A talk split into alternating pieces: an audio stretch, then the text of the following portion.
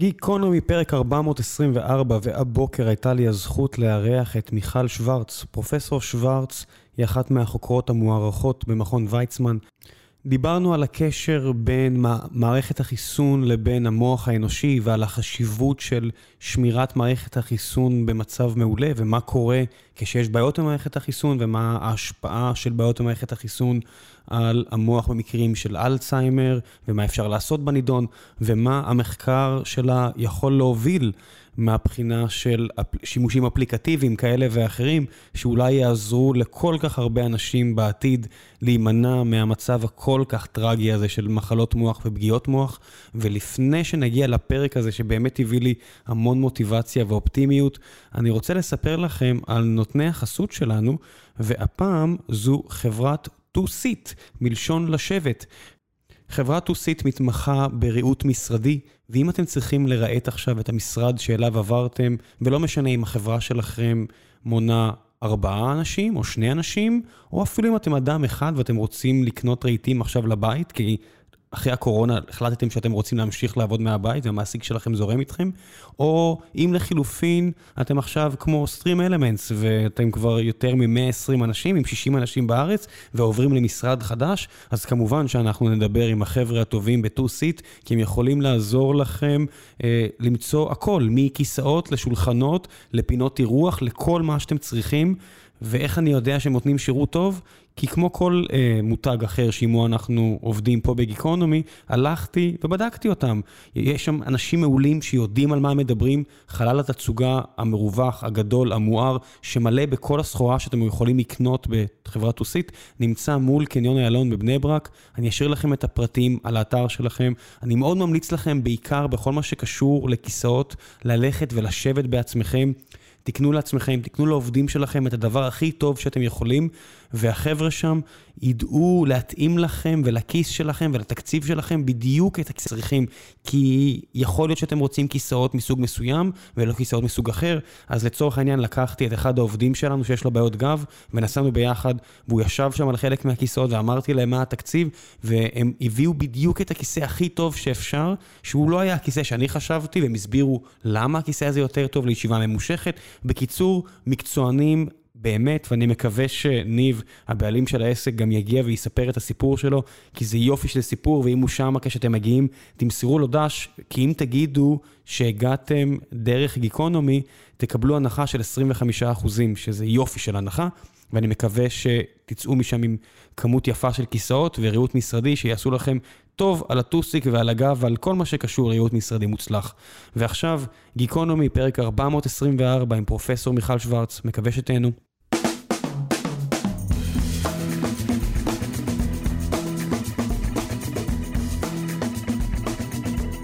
גיקונומי, פרק 424, והבוקר יש לי הזכות לארח את פרופסור מיכל שוורץ, חוקרת ידועה ממכון ויצמן שמתעסקת בביולוגיה, מערכת החיסון, המוח האנושי. הגוגל סקולר שלך נראה מאוד מאוד מרשים, וככל שניסיתי להעמיק בכל מה שאת עושה, בהחלט נראה שיהיה לנו המון על מה לדבר היום, אז דבר ראשון, בוקר טוב, פרופסור. אז בוקר טוב, אה, ואני שמחה שאתה מארח אותי הבוקר. תודה רבה. רציתי לשאול אותך, אה, מה בכלל הקשר בין המערכת החיסונית למוח? אני מודה שעד שלא התחלתי לקרוא עלייך ועל כל המחקרים שהיית מעורבת בהם, לא עשיתי בכלל את החיבור הזה, לא ידעתי בכלל ששני הדברים קשורים. אז לא רק שלא אתה לא עשית, גם מדענים לא עשו את הקישור הזה, והסיבה היא הבאה. אה, המוח נמצא, נחשב כאיבר שנמצא מעל, מעבר למחסומים, שבצורה קולקטיבית הוגדרו במשך שנים כמחסומי דם מוח. וכתוצאה מזה, המחשבה שהייתה, והיא באמת הייתה המחשבה שהייתה דומיננטית במשך עשרות שנים, שהמוח מבודד ממערכת החיסון. עכשיו, הבידוד הזה גרם לזה שחשבו שבעצם אבולוציונית, בגלל שהמוח צריך לתפקד בצורה מאוד אה, עדינה ובצורה מאוד מדויקת, שהבידוד הזה יש לו ערך עליון, והמחשבה הייתה שבעצם המוח ויתר אבולוציונית על מערכת החיסון. עכשיו, כפי שאתה יודע, מערכת החיסון זה מערכת העל שמגנה עלינו מפני פולשנים, כמו וירוסים וחיידקים. זו מערכת שמגנה עלינו מפני גידולים סרטניים, כל גידול שרק מתחיל לבצבץ, מערכת החיסון צריכה אותו, לזהות אותו ולמגר אותו. אם היא כשלה, אז הסרטן יפרוץ. ובוודאי שמערכת החיסון זה מערכת שעוזרת לנו לרפא מכל פצע. אז, מכל חתך, מכל דבר. אז תחת ההנחה הזו, מיכל, מה חשבו לפני שהגיעו חוקרים כמוך והתחילו לחקור את הקשר הזה? הרי יש דלקת קרום המוח, ויש סרטן מוח, ויש שלל מחלות עוד לפני האלצהיימר שמאיימות על המוח האנושי. מה חשבו שקורה כשיש באמת סכנה למוח? אז באמת זו שאלה נורא טובה, אבל בגלל. בעצם האינטרפרטציה או המשמעות שנתנו למחסום דם מוח, המחשבה הייתה שהמוח מבודד ולא יכול להיעזר במערכת החיסון באופן מוחלט. עכשיו, ראוי לציין שבתוך המוח עשרה אחוז מכלל התאים הם תאים חיסוניים. הם שהם אזרחים קבועים של המוח, שנכנסים לתוך המוח בשלב ההתפתחות העוברית, והמחשבה הייתה שאלה התאים שהמוח צריך להסתדר איתם. זאת אומרת, יש למערכ, למוח מערכת חיסון עצמונית, והיא זו שאחראית להתמודד עם כל מה שקורה בתוך המוח, ובעצם הוא לא יכול להיעזר במערכת החיסון החיצונית שכל הגוף נעזר בה. וזו הייתה מחשבה דומיננטית. אני לפני למעלה משני עשורים, אני חושבת 25 שנים, באתי ואמרתי שאבולוציונית, it doesn't make sense, אין לזה היגיון, בגלל שאנחנו יודעים שאפשר להשתיל ריאות ולב וכבד, אפשר להשתיל קרניות, אפשר להשתיל המון איברים. ברור שאף פעם לא נוכל להשתיל מוח. אפשר להתווכח פילוסופית אם זה טוב או לא טוב, אני חושבת שזה טוב, אבל לא משנה. מוח לא נוכל להשתיל. ברגע שאתה מנתח, מנתק מוח מהסיבי העצב שאיתו מחובר, מחובר למקומות אחרים, המוח מת. אז uh, המחשבה שלי הייתה שכל הש... הסוגיה הזו דורשת חשיבה מחודשת, ונכון שהמוח מבודד, אבל אני הייתי משוכנעת שיש דרך, יש איזה, זה לא בידוד מוחלט, אלא זה בידוד סלקטיבי. וכך יצאתי לדרך לפני 25 שנה, כשהשאלה הראשונה ששאלתי, האם בפגיעות מוח וחוט שדרה, באנלוגיה לשריטות בעור, בכל מקום אחר בגוף, האם מערכת החיסון שמציידת את כל הגוף ביכולת להיעזר לרפא, לא נחלצת לטובת המוח. כי המוח זה לא האיבר היחיד שיש לו אזרחים קבועים של מערכת חיסון. ובכל זאת, כשיש משהו קורה, כן מתגייסת מערכת החיסון. וזה קרה לפני 25 שנים. מה הוביל לכך? שנייה, את, את מתייחסת לזה כאיזה משהו אה, מובן מאליו, לי זה מעט פחות. זאת אומרת, לפני 25 שנה את כבר חוקרת עם הרבה ניסיון, ואת מאוד מוערכת, ואת בתחום הביולוגיה ומערכת החיסון. מה הוביל בעצם פתאום לכך שאת מתחילה לחקור את הנושא הזה? אז מאמר שקראת, איזושהי הברקה שהובילה אותך לכיוון הזה, הרי זו החלטה שלך, מודעת, אני רוצה להתחיל לחקור דווקא את זה עכשיו. אז קודם כל, לפני 25 שנה לא הייתי מדענית ידועה. הייתי בתחילת חיפוש השאלה שלי. אני, אה, התואר הראשון שלי בכלל במדעים המדויקים, ולא מדעי הביולוגיה. אה, לא עשיתי תואר שני, עשיתי במכון ויצמן אה, דוקטורט בחקר חיסונים כימיים. כשסיימתי את הדוקטורט הייתה לי תחושה שאני רוצה לעבור למוח ובסופו של דבר לשלב בין שני התחומים האלה. בשנים שהייתי מה שנקרא היום בתר דוקטורט פוסט דוקטורט, נכנסתי לשאלה של שיקום עצבים אחרי חבלה. ואז, זה היה בשנות ה-80, ואז אה, מחקרים שנעשו על ידי קבוצות בניו יורק, אה, בפגיעות חוט שדרה, טענו שיש דלקת סטרילית שנוצרת אחרי פגיעת חוט שדרה, והם טענו שהדלקת הסטרילית הזאת היא זו שמפריעה לעמוד, לעמוד, לחוט השדרה להירפא.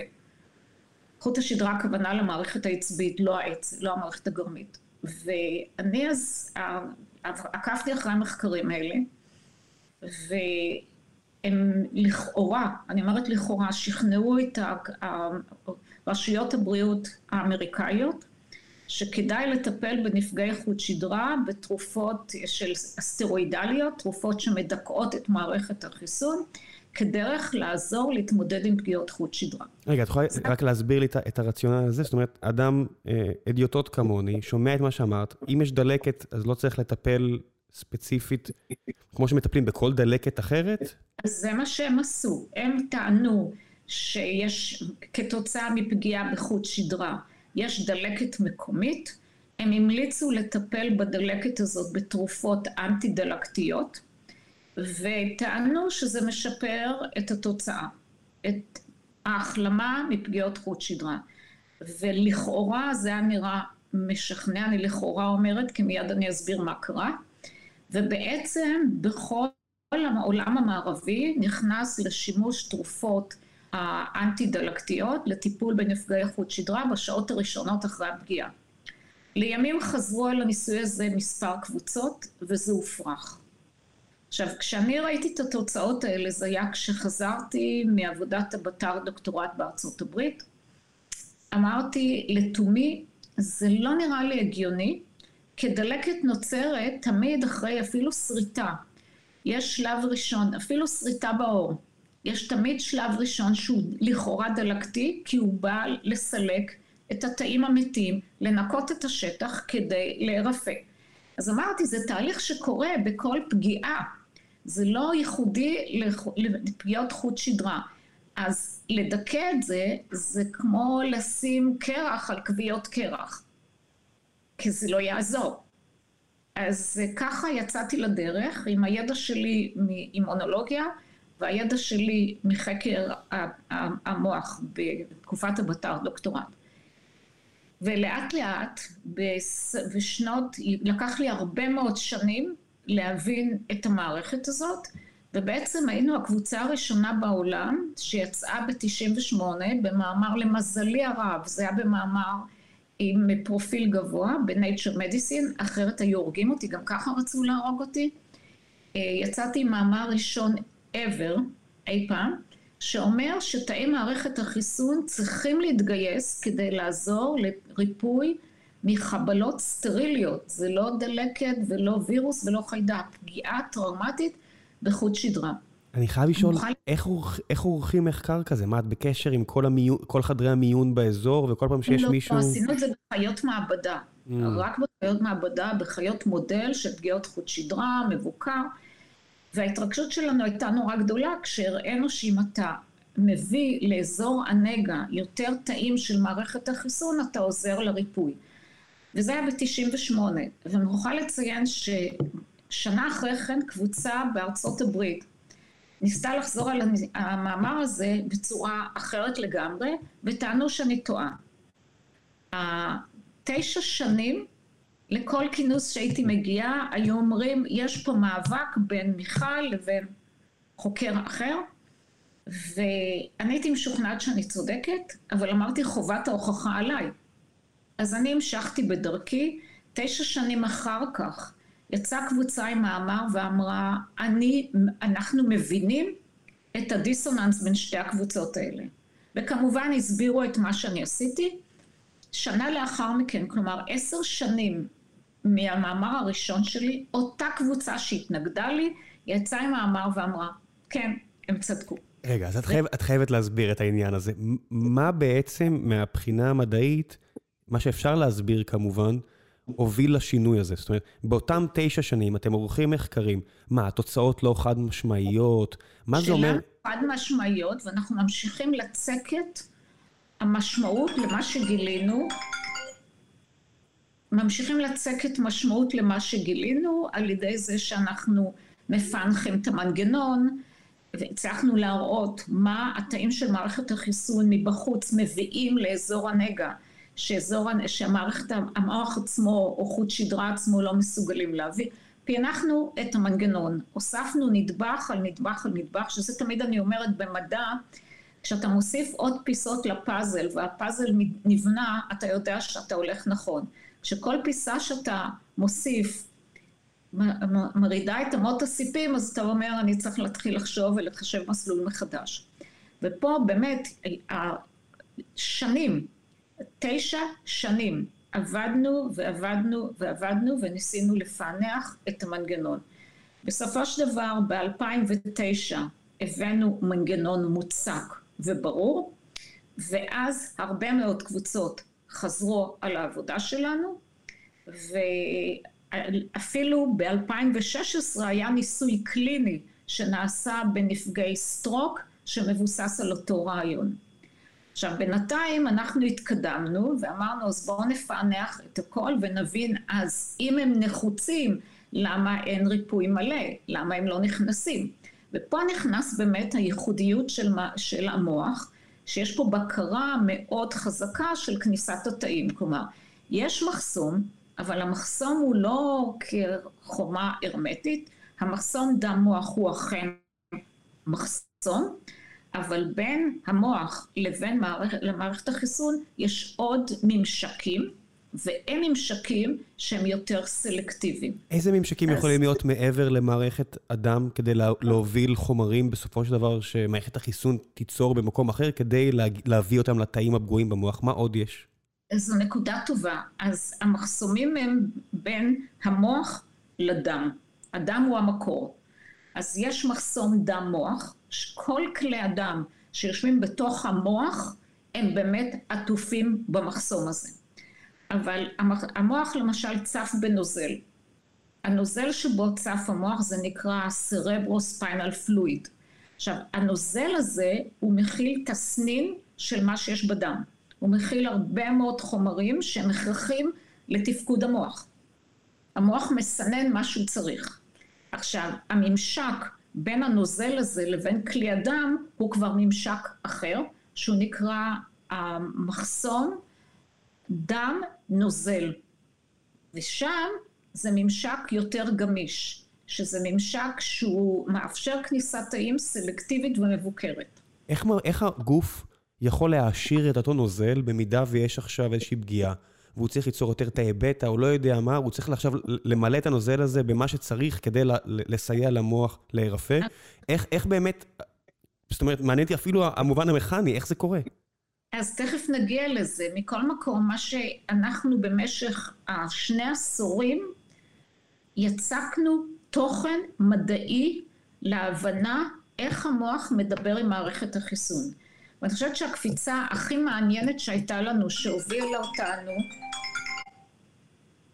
הקפיצה הכי מעניינת שהובילה אותנו להבנה של תפקיד מערכת החיסון בתחזוקת המוח, הייתה בין השנים 2004 ו-2006, שבה יחד עם שני, שלושה סטודנטים, שכל אחד מהם כבר פרופסור בעצמו, אחד במכון ויצמן, אחת בטכניון ואחד בארצות הברית, ישבנו שעות על המדוכה ואמרנו, רגע, אם מערכת החיסון עוזרת לריפוי, היא חייבת לעזור לתחזוקה היומיומית שלנו. כי מה זה ריפוי? זה בעצם שאתה מאתגר את המוח, את כל איבר בצורה קיצונית. המוח, המוח הוא פלסטי. אז הוא כל הזמן עובד ועובד וצריך להתאים את עצמו לסביבה ואנחנו מגיבים לסביבה, בעצם כל תפקודי היום יום שלנו בנויים על גמישות המוח. עכשיו כשהוא נפגע אתה מעורר את, מאתגר את הגמישות בצורה יותר קיצונית. אז אמרנו אם המערכת החיסון עוזרת לריפוי ללא ספק היא גם מעורבת בתחזוקה היומיומית. ופה עלינו על דבר מאוד מאוד מרתק, אנחנו בדקנו יכולות קוגניטיביות של עכברים בריאים ויכולות קוגניטיביות של עכברים זקנים ויכולות קוגניטיביות של עכבר צעיר ובריא שמערכת החיסון שלו כשלה.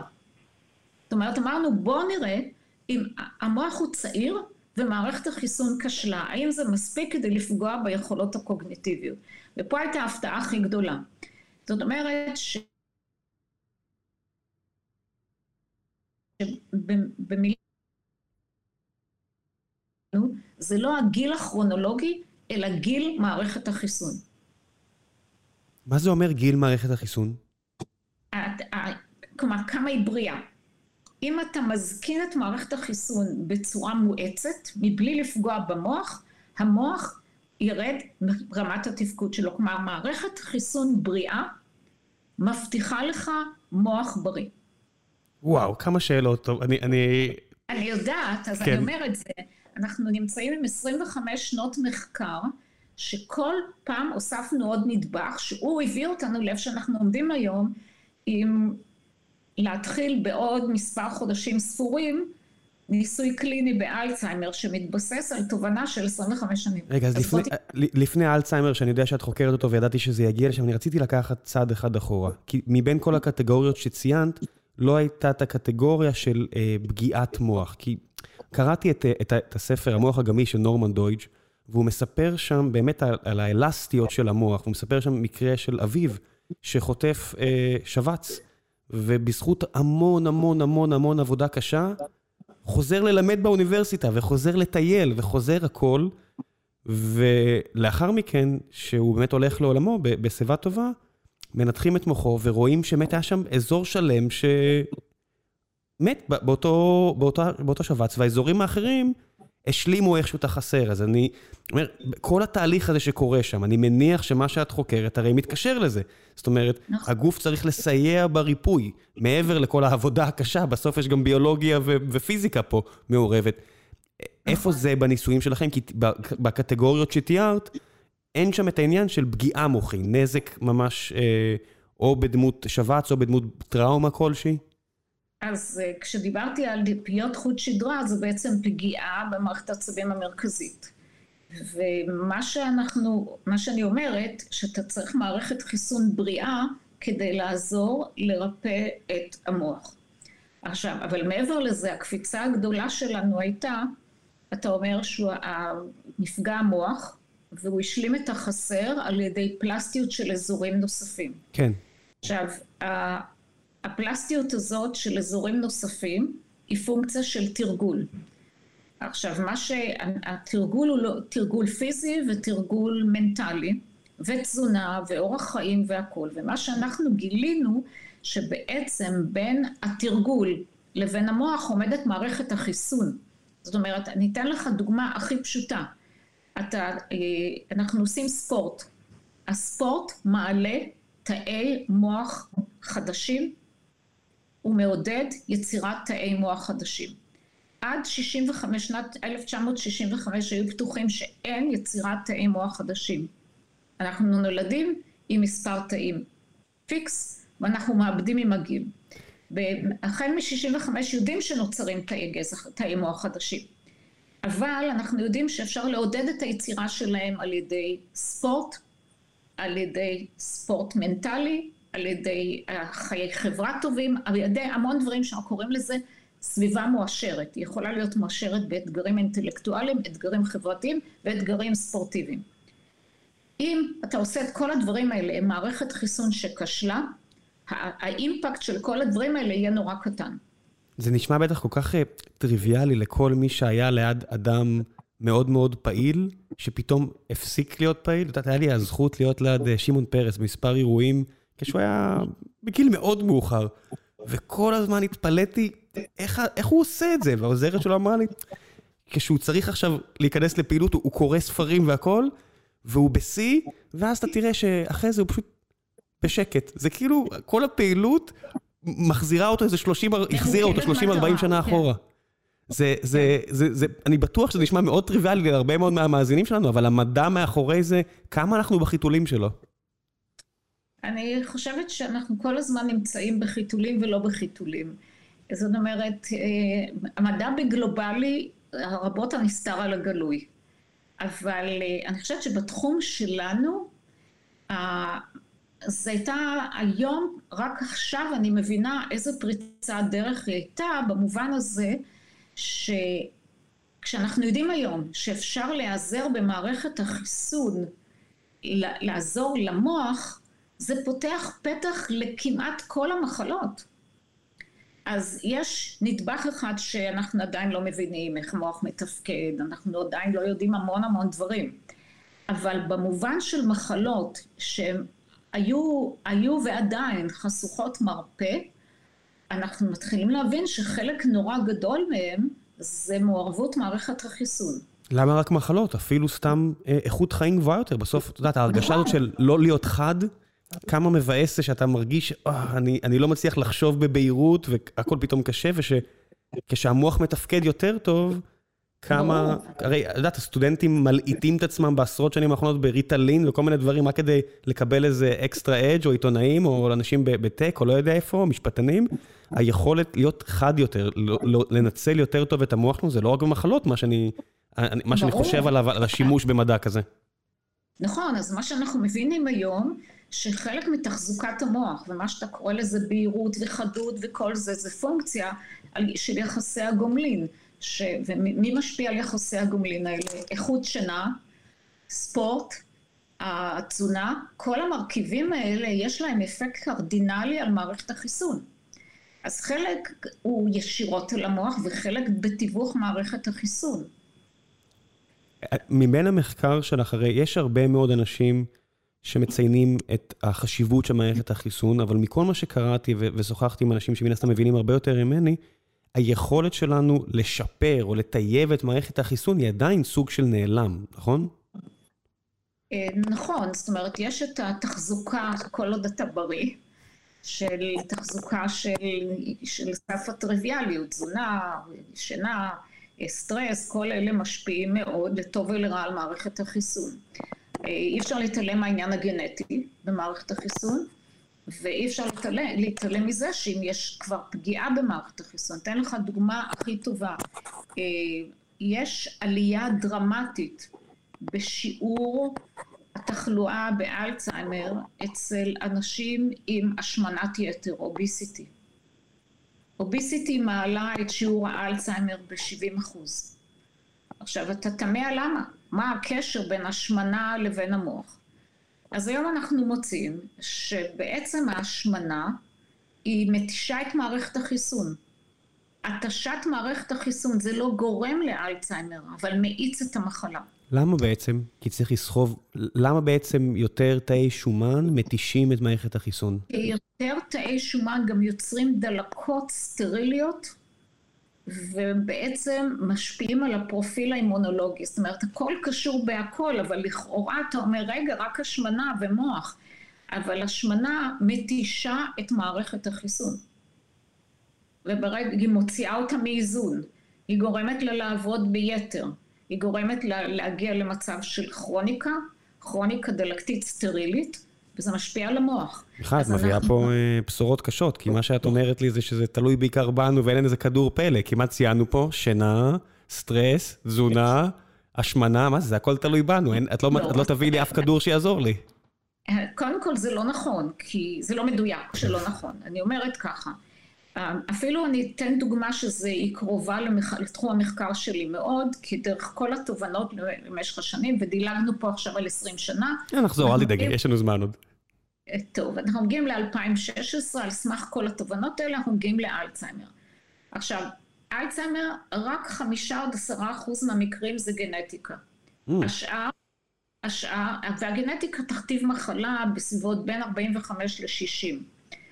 המחלה שהיא age related, כלומר תלוית גיל, היא פורצת בסביבות ה-75-80 וצפונה. עכשיו, אם היא גנטית, היא תפרוץ. אין לך ברירה.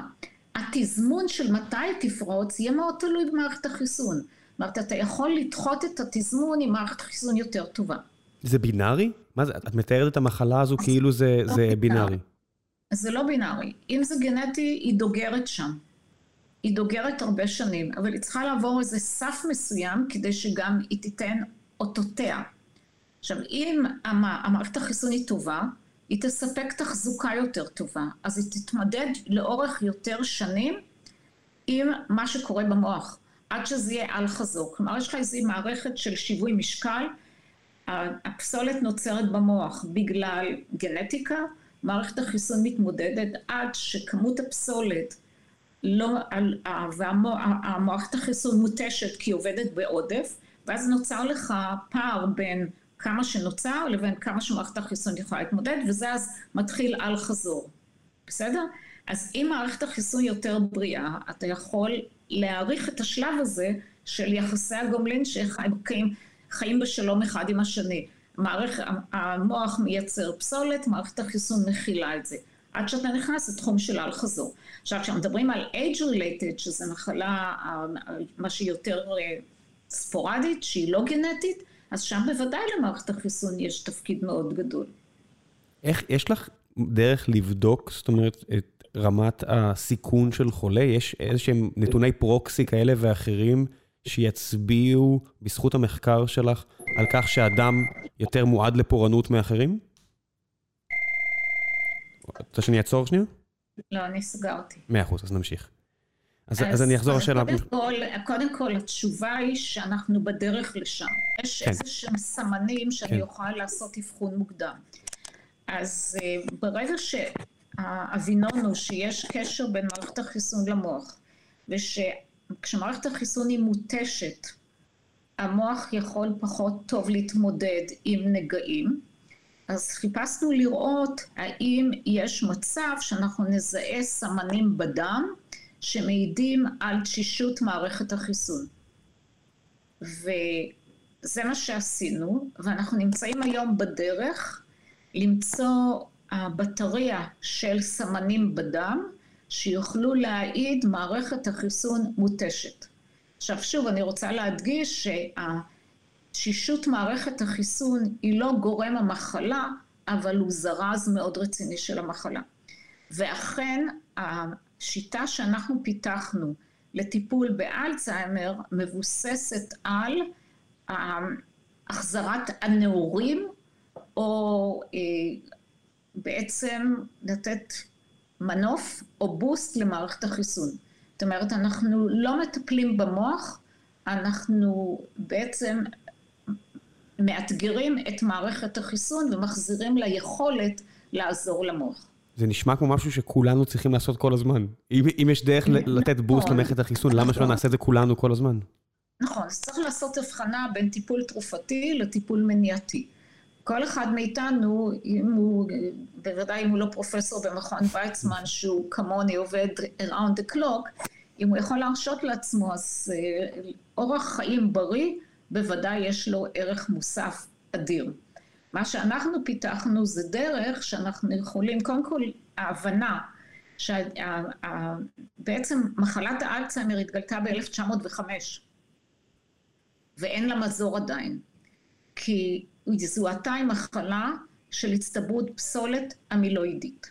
וכל הכיוון של המחקר של חברות התרופות ומדענים במשך שנים היה לנסות לחפש תרופות שתמזערנה את הפסולת או על ידי מניעת הצטברות או על ידי סילוק מואץ. ולימים התברר שזה לא מספיק. אתה יכול לסלק פסולת, והמוח ימשיך להידרדר. מה שאומר שתי אפשרויות, או שסילוק הפסולת הוא לא מספיק וצריך עוד דברים, או שהוא לא רלוונטי בכלל לירידה הקוגניטיבית. עכשיו, בין אם זה כך ובין אם זה כך, אנחנו טענו שיש עוד הרבה גורמים נוספים שמשפיעים על הירידה הקוגניטיבית. המחלה האנושית היא מאוד הטרוגנית, והיא רבת פרמטרים שגורמים לירידה קוגניטיבית. אז אנחנו אמרנו, במקום לחפש את כל הגורמים ולנטרל כל אחד מהם, בואו נמקסם את מערכת החיסון, והיא יודעת לעשות את כל הדברים האלה, כי היא יודעת לסלק פסולת, היא יודעת למזער דברים אחרים. ייתכן שזה מספר מחלות? לא יודע, כמו שפעם חשבו על סרטן בתור איזה מחלה אחת, והיום זה אלפי מחלות, ייתכן שגם אה, אלצהיימר זה, זה שם אב למספר מחלות שונות? אה, היא מחלה הטרוגנית. אז זה כנראה מספר מחלות, אבל בניגוד לסרטן שזה הרבה מחלות, אבל גם באיברים שונים, פה אנחנו מדברים רק על המוח. אז ההטרוגניות פה היא קיימת, אבל לא באותה, באותו קנה מידה כמו בסרטן, אבל כן, זה משפחה של מחלות שבעצם האמברלה, הם תחת אמברלה שכולם זה דמנציה או שיטיון. עכשיו זה יכול להיות באזורי מוח שונים, זה יכול להיות עם בעצם התבטאות שונה, ביטוי שונה של המחלה, וזה יכול להיות עם גורמים שונים, אבל זה מתכנס לדבר אחד, יש לך מוות של תאי עצב, שאתה מזהה את זה גם בנוזל וגם בדם, אתה רואה עדות למוות של תאים. יש חלבונים שאתה יכול לזהות בנוזל, וחלבונים שאתה יכול לזהות בדם, שיגידו לך, כן, מתו תאים. איך עושים דגימה זו? לוקחים או נוזל חוט שדרה, שמוציאים באזור מותניים, מתוך, פחות או יותר באותו מקום שנותנים גם אפידורל ליולדת, או שבדם, יש סמנים שאתה יכול לזהות בדם, יש סמנים שאתה יכול לזהות בנוזל הזה, אבל זה סמנים של מוות של תאי עצב. אבל המחלה כמחלה היא הטרוגנית במובן הזה שיכולים להיות לה הרבה תסמינים בתוך המוח והרבה גורמים בתוך המוח. אז אנחנו לא יודעים לזהות היום את כולם, ולכן אמרנו בואו נפעיל את מערכת החיסון, נשנה התאים של מערכת החיסון למוח, על ידי הפעלת מערכת החיסון אנחנו רואים שאנחנו משנעים תאים למוח, והתאים האלה יודעים לעשות הרבה דברים כמו שתאי מערכת החיסון יודעים לרפא רקמה חולה. הם יודעים לנקות את האזור, הם יודעים למזער את הדלקת, וזה מה שאנחנו עושים. את רואה איזשהו אופק, בוא נגיד, לא יודע אם בימי חיינו, אבל שאיזשהו טיפול יכול לא רק להאט את המחלה, אלא אפילו לרפא אותה? אני לא יכולה להגיד לרפא בגלל סיבה אחת. תא מת הוא תא מת. אבל אנחנו רואים מעבודה של, עד עכשיו אני חושבת שעשינו מאות חיות מעבדה, אה, שיש בהם מודלים של שיטיון מסוגים שונים. כשחיית מעבדה עם שיטיון הוכנס בה גן אנושי פגום. והיא מראה את כל מה שאתה רואה באלצהיימר. אתה רואה ירידה קוגניטיבית, אתה רואה יצירת פסולת, אתה רואה את כל מה שאתה רואה בחולה. אז אני יכולה להגיד שאנחנו עוצרים את התקדמות המחלה. זאת אומרת, מחלה שהייתה בהידרדרות, היא מחלה שאפשר להחזיק אותה ככרונית בלי הידרדרות. עכשיו, לרפא, אני מצליחה להזיז קצת אחורה, כתאים שעדיין חיים ולא מתפקדים אופטימלית, אני מצליחה להעביר, להחזיר להם תפקוד. אז בוודאי שככל שאנחנו נקדים לטפל, יש מצב שאנחנו נגרום לתהליך יותר משמעותי מבחינת התפקוד. אבל תא הצו מת, אני לא יכולה לה, לה, להעיר אותו.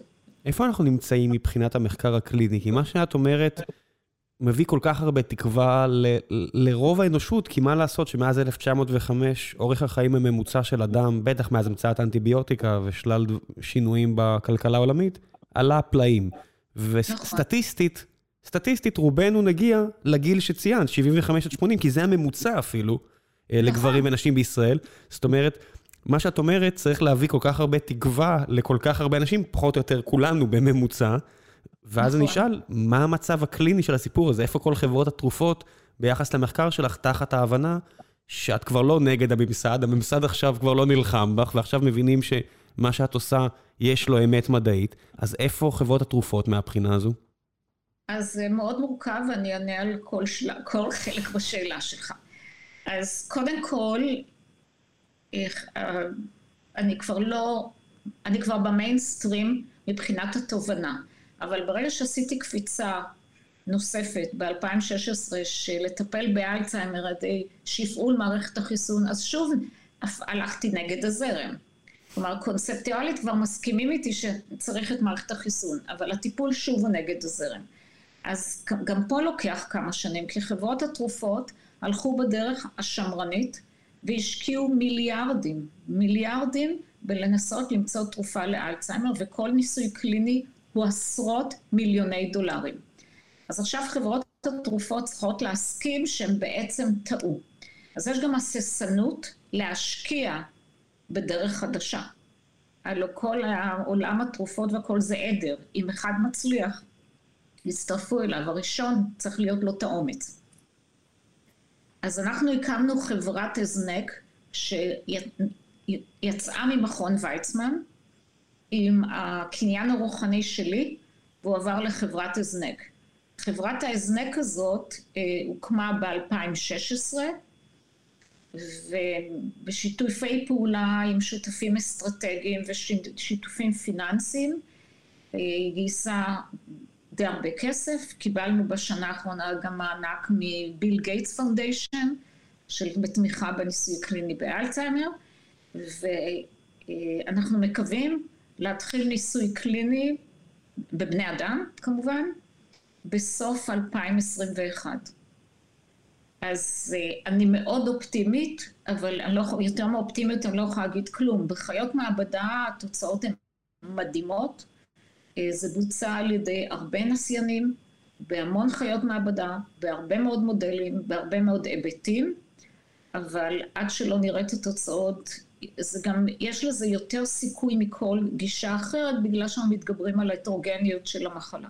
איך בניסוי קליני כזה יכולים בעצם לבודד את כל כמות המשתנים האפשרית? הרי אתם מגיעים לאנשים שכבר, אני מניח, מתחיל להם סימנים של שיטיון, או כל מיני דברים כאלו, ולא יודע, אם, אם אני קרוב משפחה של אדם כזה, דבר ראשון, אני, אני מכריח אותו לרדת במשקל בעקבות מה שאמרת, ואני מנסה ללמד אותו שפה, ואני מנסה לדבר איתה או איתו כמה שיותר כדי לעודד פעילות מוחית כמה שאני יכול בכוחי. זאת אומרת, אני, אני מניח שאותו אדם ומשפחתו גם כך יעשו כל כך הרבה פעולות שהן מסביב למה שאתם עושים, אז איך מבודדים במשוואה הזו את הנעלם שלכם? אני, האפקט שלנו הוא יותר חזק מכל האפקטים שאנחנו ננסה לעשות, אבל אה, זה נכון שהמין האנושי הוא מאוד הטרוגני מלכתחילה, ולכן בניסוי הקליני בפאזה הראשונה יש מעט חולים, ולכן אי אפשר לצפות לראות אפקטים סטטיסטיים, ואפשר לראות רמזים לאפקט של, במנגנון שאנחנו מצביעים עליו.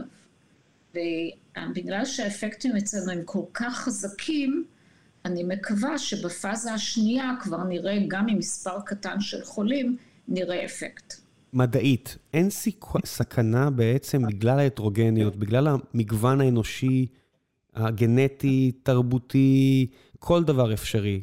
אין סכנה שתבחרו, לא יודע מה, עשרה, עשרים אנשים שבמקרה, סטטיסטית, הם לא היו בקבוצה הנכונה, ויכול להיות שזה יתפקשש רק בגלל זה? תראה, א', אני אה, לא רופאה. אני חוקרת, ולכן אני שואל סטטיסטית, לא על הפן הרפואי, אני אומר רק במובן הסטטיסטי, זאת אומרת, אם מרחב המדגם יהיה קטן, האם אין פה סכנה שהניסוי הראשון בעצם יכול להצביע למשל false negative? לא, אז מה שאני אומרת, הניסוי הראשון, המטרה שלו זה לעקוב ולראות אם אנחנו במערכת החיסון מאתגרים את כל הפרמטרים הנכונים. והמטרה לראות שאנחנו לא מסכנים את החולים. והמטרה לראות רמזים לאפקטים. והבחירה של החולים שייכנסו לתוך הניסוי הקליני היא תמיד בהתחלה מאוד הומוגנית כמה שאפשר. כן. אז מה שאני אומרת, שאנחנו לא הולכים בצורה גלובלית, לא אנחנו, באופן כללי, הרשויות הרגולטוריות ממליצות, יש דרך מאוד סדורה לעשות ניסויים קליניים, כדי להפחית את הרעש בשלבים הראשונים, כי אתה לוקח מעט חולים.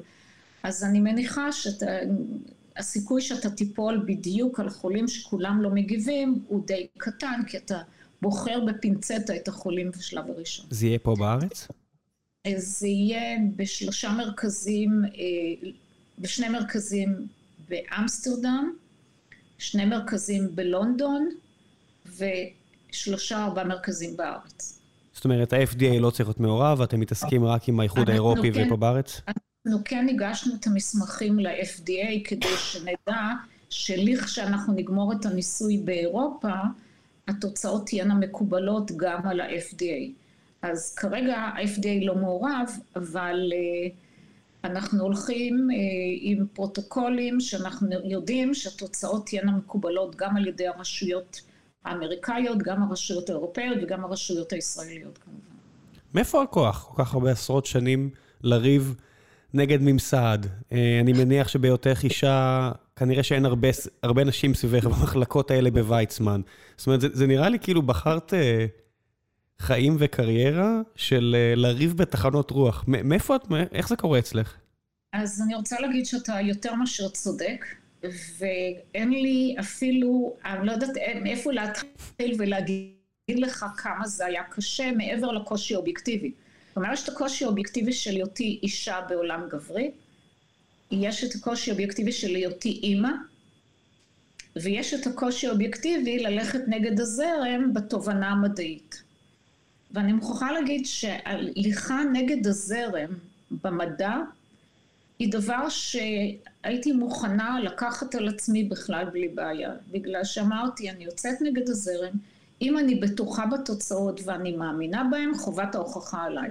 ואז ללכת עקב בצד אגודל, בהתחלה לא היו לי מענקים, אחר כך אני אה, ברוכת מענקים מהשוק האירופאי, המענקים הכי תחרותיים קיבלתי.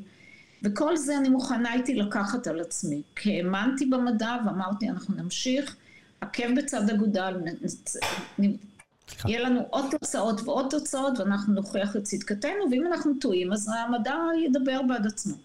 אז זה לא הייתה הבעיה. הבעיה היא באמת העוינות והקנאת סופרים שקיימת בתחומים האלה.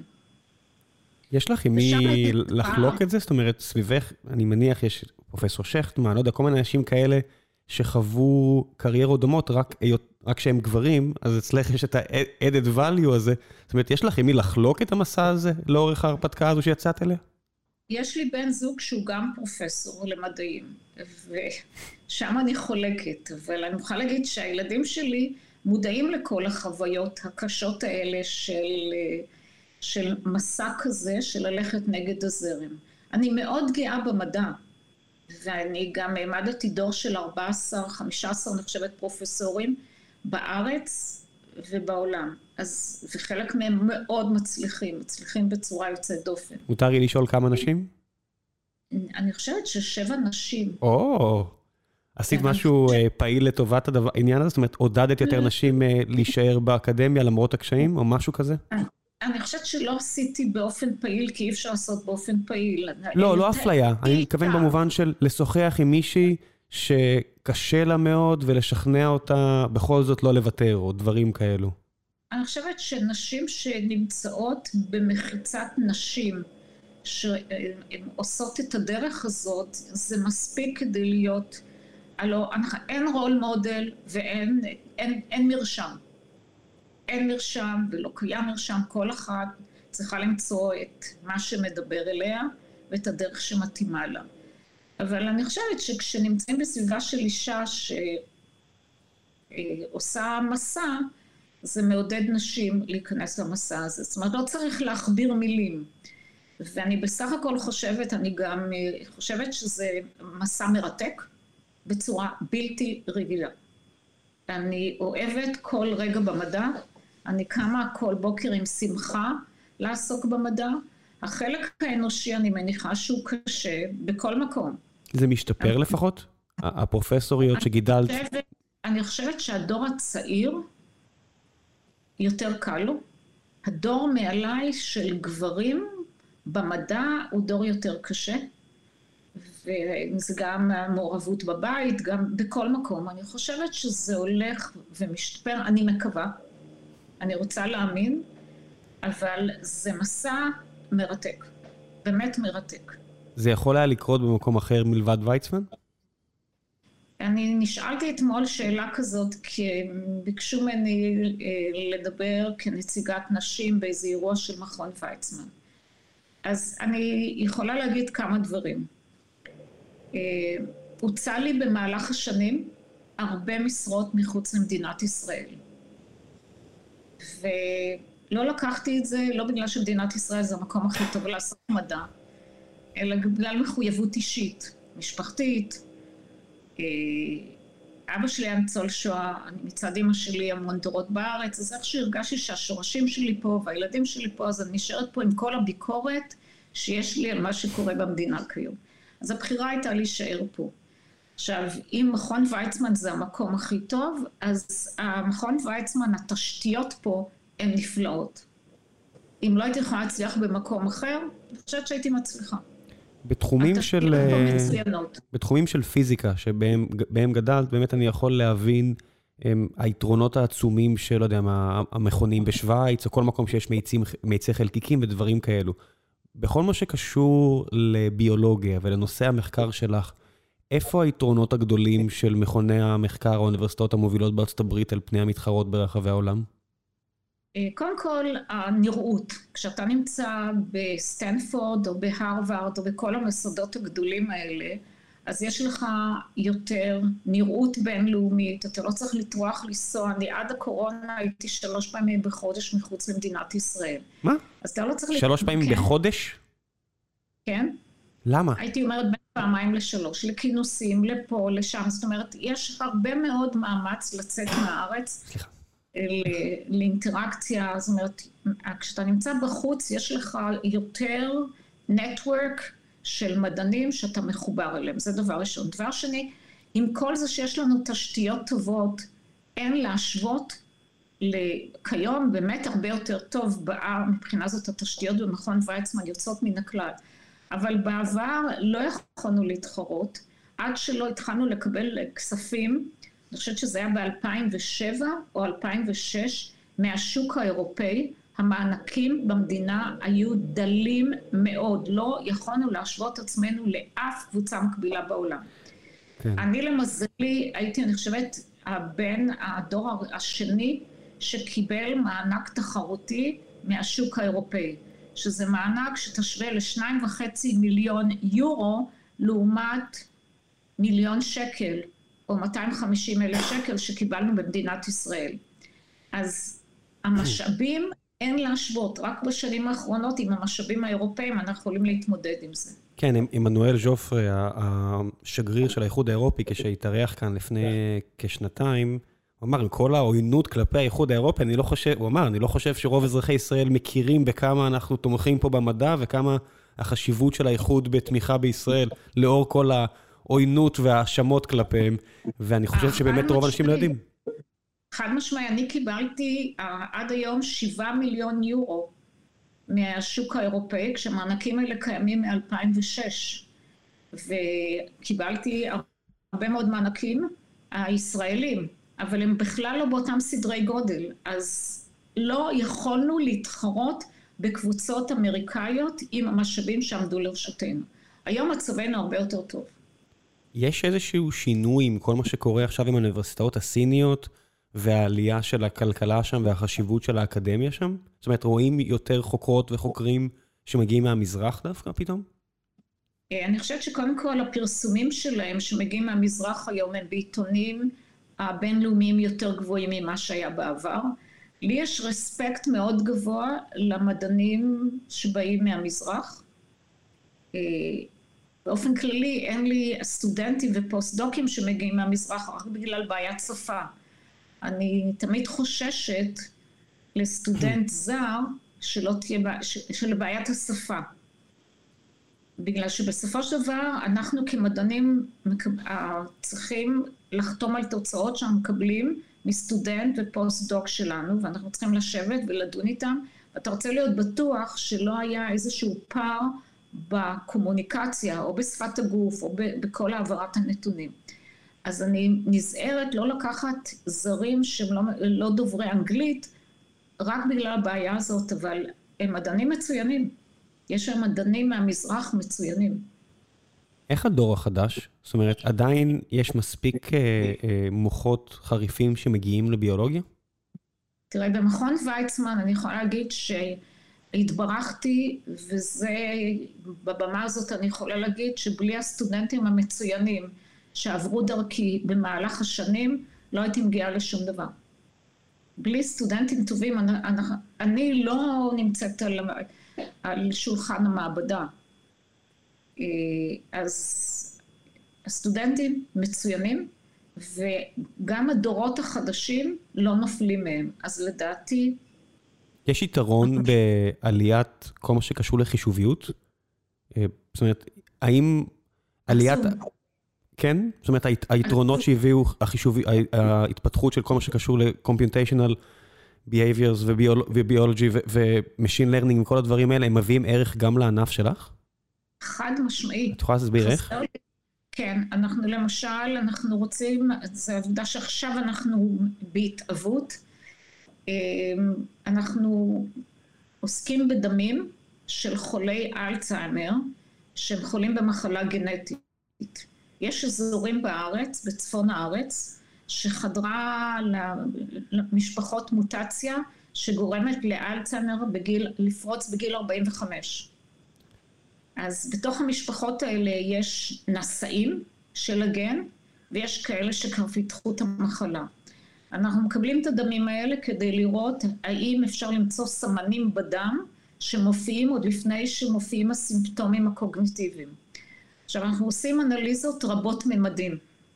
יש היום שיטות ביולוגיות שאתה יכול לבחון עשרות פרמטרים בו זמנית. ועכשיו צריך לקחת, לקחת מישהו ולעשות תוכנות, תוכ, תוכניות חישוביות כדי לזקק את הנתונים ולעשות את ה... לבדוק מה הסמנים המשותפים, מה הם שונים. זה עבודה של Machine Learning. וחלק נורא גדול מהביולוגים לא למדו חישוביות. ואנחנו נעזרים והם משלימים והם לומדים כך. ל machine learning ובכלל לכל החישוביות רבת פרמטרים, יש יתרון עצום היום בביולוגיה. אנחנו כמעט לא יכולים לזוז היום בלי זה. אני אשאל שאלה אחרונה. את מרגישה שיש יתרון בכך שהגעת דווקא מהמדעים המדויקים יותר, אה, כמו פיזיקה, כמו מתמטיקה, מאשר עמיתייך שלמשל אה, נולדו וגדלו אקדמית בעולם הביולוגיה? תראה, אה, אני חושבת שבאופן כללי, אני לא יכולה להגיד לגבי עצמי, כי מה שאנחנו למדנו אז כבר זה לא רלוונטי להיום. אבל באופן כללי, למה? מי שמגיע... למה? אני למדתי הנדסת חשמל basic circuit theory מברקלי משנות ה-60, עדיין אני חושב לומדים עם אותו ספר בדיוק. הפיזיקה לא השתנתה כל כך הרבה. אז גם אני למדתי אותו. בבקשה.